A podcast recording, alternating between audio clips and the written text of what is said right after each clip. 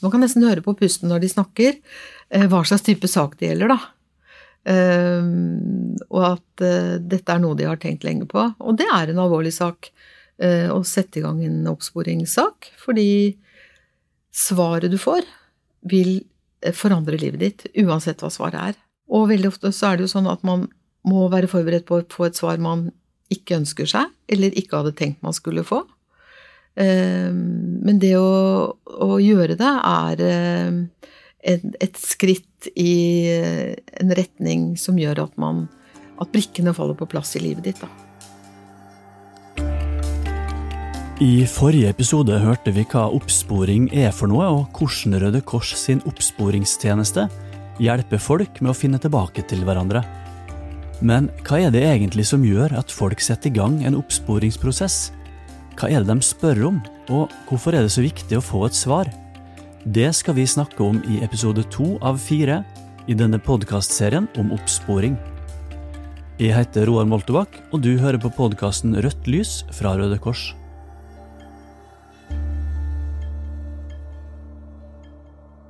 Stemmen du hørte i starten av episoden, tilhører Brita Liholm, som jobber i oppsporingstjenesten til Røde Kors. Brita forteller at det er veldig mange grunner til at folk setter i gang en oppsporingsprosess. Noen ringer med detaljerte historier og god informasjon. Andre tar kontakt om en nabo som forsvant for 18 år siden, og husker kanskje ikke etternavnet engang. Vi skal høre mer fra Brita nå. Det jeg lurer litt på, helt konkret, når noen tar kontakt, hvilke spørsmål er det du stiller da, for at man skal kunne vurdere om dette her er noe vi kan få til? Ja. Eh, for det første så må vi jo vite hvem vi skal lete etter. Altså, vi må ha et navn. Vi kan ikke lete etter noen vi ikke vet hvem er. Så vi må ha et navn. Eh, vi bør aller helst eh, ha alder, eh, sånn i hvert fall cirka alder. Vi må vite nasjonalitet. Og så må vi vite hva var det som skjedde. Hvorfor kom dere bort fra hverandre? Hvilken historie følger med din sak? For det som er viktig da, er jo å vite hvis det var et eh, bombeangrep, eller hvis det var en, et angrep på en moské eller på en skole eller et skip som gikk ned, så må vi vite hva var det som skjedde. Hvilken dato var det? Sånn cirka når var det? Hvem var de sammen med? Var de vitner til? Ikke sant? Hvor, hvor, eh, hvor ligger skolen hvor det skjedde? Uh, Fins det noen passasjerliste fra båten du var med? Har du navnet på en smugler? Altså, det er mange, mm. mange spørsmål. Og så må vi vite når var det du sist hadde kontakt. Eh, og da skal det jo være slik at man eh, skal ha hatt et nært Dette må være nære slektninger eller nære venner. Det er jo noen som ikke har slektninger, men de har kanskje en nær nabo eller en nær venn som de savner. Um, jeg husker en, ja, under, um, under konflikten uh, Den arabiske våren var det en som ringte og var veldig bekymret for en venn. Og så sa, spurte vi alle de spørsmålene, og så sa men når hadde du sist kontakt med ham? Og da sa vedkommende at det var 18 år siden. Og da sa vi at da kan det nok være vanskelig for oss å sette i gang et søk etter vedkommende når det har gått så lang tid. For det kan ha skjedd veldig mange ting i mellomtiden som gjør at Og, og han kunne ikke gi noe særlig opplysninger om familien til den, han, den gamle vennen, da. Så det må være noen som du, du har eh, hatt et nært, tett og nært forhold til. Uh, og som du vet hvem er, Eh, litt mer enn uh, akkurat uh, vært sammen en gang, da. Hva vil du si er en typisk case, da, hvis vi kan si det om mennesker som, som tar kontakt med Røde Kors? Mm. Hvem, er, hvem, er, den typiske, hvis det går an å si noen Jeg tenker at den, den, det som er generelt for veldig, veldig mange, det er jo at uh, de fleste har tenkt lenge på å ta kontakt med oss. Med mindre det har vært en katastrofe over natten, så har vi også de som tar kontakt med en gang. Men de aller fleste eh, har tenkt lenge og har bestemt seg for at nå, nå tar vi kontakt. Og for mange så betyr det at man kan gå videre med en sorg som man ikke er helt sikker på om man skal ha eller ikke, fordi man ikke vet. For mange andre så får man svar på ting man har hatt mistanke om, ting man har eh, tenkt på, ting man har hørt rykter om i familien. Um, som gjør at man eh, kanskje får en ny familie, kanskje får ny kontakt, kanskje kan besøke en grav, eh, og få greie på hva var det som egentlig skjedde. Eh, for det er det ingen som har snakket om. Mm. Og det gjelder jo for så vidt ikke bare gamle saker, men også nyere saker. Det er Folk er utsatt for traumer, folk er utsatt for sterke påkjenninger som gjør at, at de ikke orker å snakke om det hvis de ikke må. Og da blir det veldig ofte slik at man eh, ønsker å gå videre med livene sine, eh, men at det alltid ligger bak, og at det alltid sitter et eller annet på skulderen som gjør at man ikke er ferdig med det da, før man har fått et svar. Og her er vi inne på noe av essensen, om hvilken kraft det faktisk ligger i det å få svar. Det er ikke sikkert svaret du får er det du håpte på, men bare det å få lukka kapitlet, og det å kanskje finne en ro, kan ha en stor verdi. Men det å få et svar, det er jo det vi er opptatt av. Vi vet jo at eh, å sette i gang en oppsporingssak er alvorlig. Eh, det kommer til å forandre livet ditt nesten uansett hva slags svar du får. For selv om du får et positivt svar og vet at de er i live, så, så, vil det kanskje være hindringer som gjør at de kan være sammen i det videre livet, da. Eh, det er det ene. Og det andre er at man kan få svar som man ikke hadde regnet med. Og vi har jo også, vi spør jo alltid den som blir funnet, vil du ha kontakt med den som leter? Og da står man jo fritt til å si ja eller nei. Og det er jo faktisk ikke mange, men noen få, som ønsker å starte et nytt liv, kanskje alene i et nytt land. Så, så, og det tror jeg man må være klar over når man setter i gang en oppsporingssak. At, øh, og det er jo vår jobb å fortelle også, og si noe om. Er det fare for å, at den du savner å blir lett etter, er det, er det, kan det medføre represalier og hevnaksjoner i det landet du har flyktet fra? Hvis du leter etter familien din. Det er det ene. Og det andre er at når du setter i gang en oppsporingssak, så kan du få et svar som du ikke hadde regnet med, og som kan være tungt å bære. Det kan være øh, tungt å ta inn over seg, men samtidig sette i gang en sorgreaksjon og få lukket noen dører på sikt som gjør at du kan komme deg videre, da. Og ikke bruke all tid til å lure på hva som egentlig skjedde, og tenke på det. Du er veldig opptatt av at man i den norske, kanskje europeiske settingen, er opptatt av at folk må da sørge for å bli integrert snart. Ja. Hva er det som kan hindre integreringen når det gjelder tematikken her? Ja, for det, er jo sånn at vi, vi tenker i hvert fall i, i, Norge at de som kommer til oss, er kjempeheldige. De kommer til et land som, som lever i, i, fred, og her er det ingen trusler. Vi kan leve i fred og fordragelighet. Men så er det sånn da, at når man kommer fra områder Veldig mange av de som kommer til Norge og får opphold her, har vært utsatt for store traumer. Og mange utvikler posttraumatisk stress nettopp fordi de må gå og vente og ikke vet. Hvor er det blitt av familien min? Hvor, hvor, hvor har de havnet? Jeg finner ingen svar. Uh, og det blir man jo syk av, rett og slett. Og vi lever jo i et så velorganisert samfunn, og jeg er sikker på at du, hvis barna dine ikke kommer hjem når, når dere har sagt, så vil det gå veldig, veldig kort tid før du begynner å bli bekymret. Og nå snakker vi om folk som har levd i bekymring over lang tid, som kanskje har flyktet over tid, vært gjennom mange land, har endelig kommet til et, eh, et mottak kanskje her, eh, og gjør ikke noe annet enn å tenke på de som de ikke vet hvor er, da. Eh, og det vi vet, er jo at integrering, for å integreres og leve i et nytt samfunn, så må man lære seg språk. Man, altså læringskurven er bratt.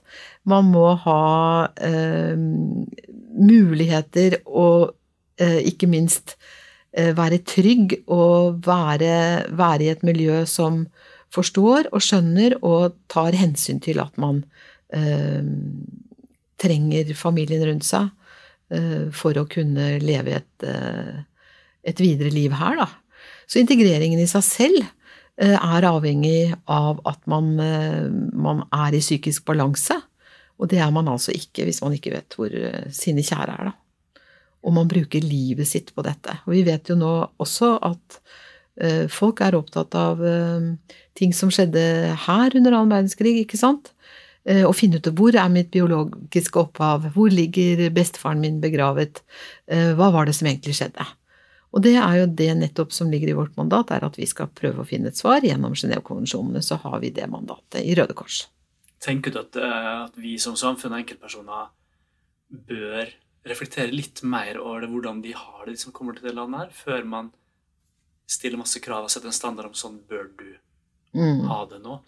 Jeg tror at mange som kommer til Norge, blir integrert i samfunn som tar hensyn til dem, og hvor de har en god integrering. Men det hjelper ikke hvis de ikke vet hvor familien er. Så vil det jo likevel være en sorg som skygger over alt det andre som er godt, da. For jeg tror det er mye bra, bra forsøk. Og mange lever jo også her med familiene sine, og vi ser at de klarer seg bra. Og de får både jobb og utdanning, og, og selv om de har foten sin i sitt gamle land, da, så, så, lever de i Norge og får til integreringen sin. Men eh, jeg tror at uansett hvor gode integreringstiltakene er, så vil det være avhengig av at de som kommer, eh, har familien sin rundt seg. Mm. Eh, og får svar på hvor det er eh, blitt av dem, og hvilken skjebne de har vært utsatt for. Til slutt i denne episoden så skal vi høre om ei kvinne som kom til Norge som flyktning. Hun var analfabet og helt alene, og hadde ikke klart å bli integrert. Kanskje skjønte hun ikke egentlig helt hvor hun var engang. Men etter elleve år på sida av samfunnet, så snudde plutselig livet en veldig fin historie igjen, da, som du var ganske tett på, um, som handler om en mor og en datter som også da hadde havna på forskjellige plasser ja. i Europa under flukt. Ja. Der det jo endte bra. Det endte bra, men det tok mange år. Det tok elleve år. Ehm, kom, hun kom eh, til eh, Storbritannia som enslig mindreårig eh, asylsøker etter en voldsom konflikt i landet de kom fra, fra på Afrikas Horn. Uh, og moren Altså, hun trodde selv og vokste opp i den tro at hele familien hennes var borte.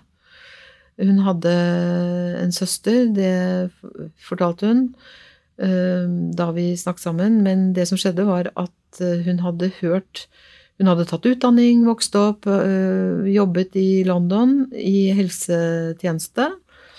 Og plutselig fikk hun høre rykter fra noen i klanen sin om at det var en kvinne i Norge som kunne svare til hennes mors beskrivelse.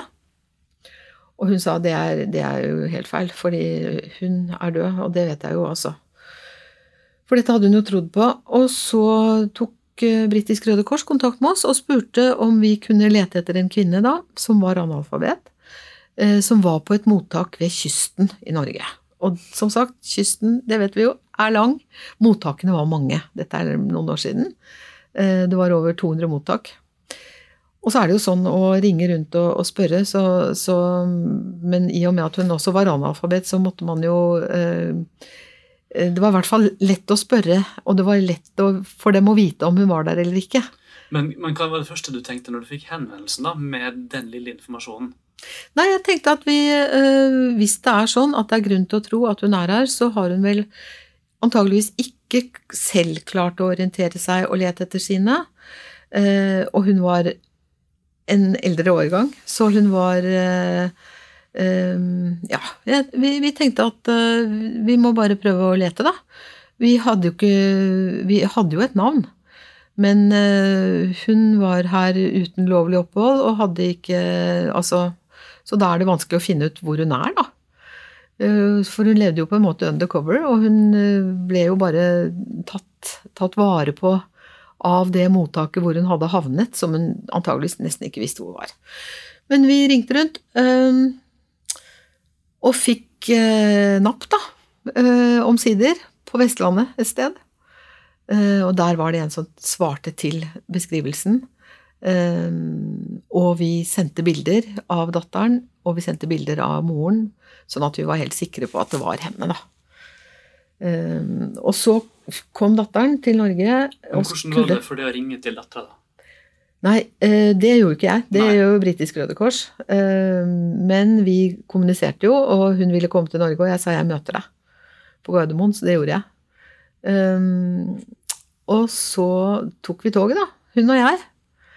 Uh, hun var spent. Hun var altså Hun ja, hva skal man si eh, Det var litt av det jeg sa i sted også, at ting Altså, verden blir helt annerledes.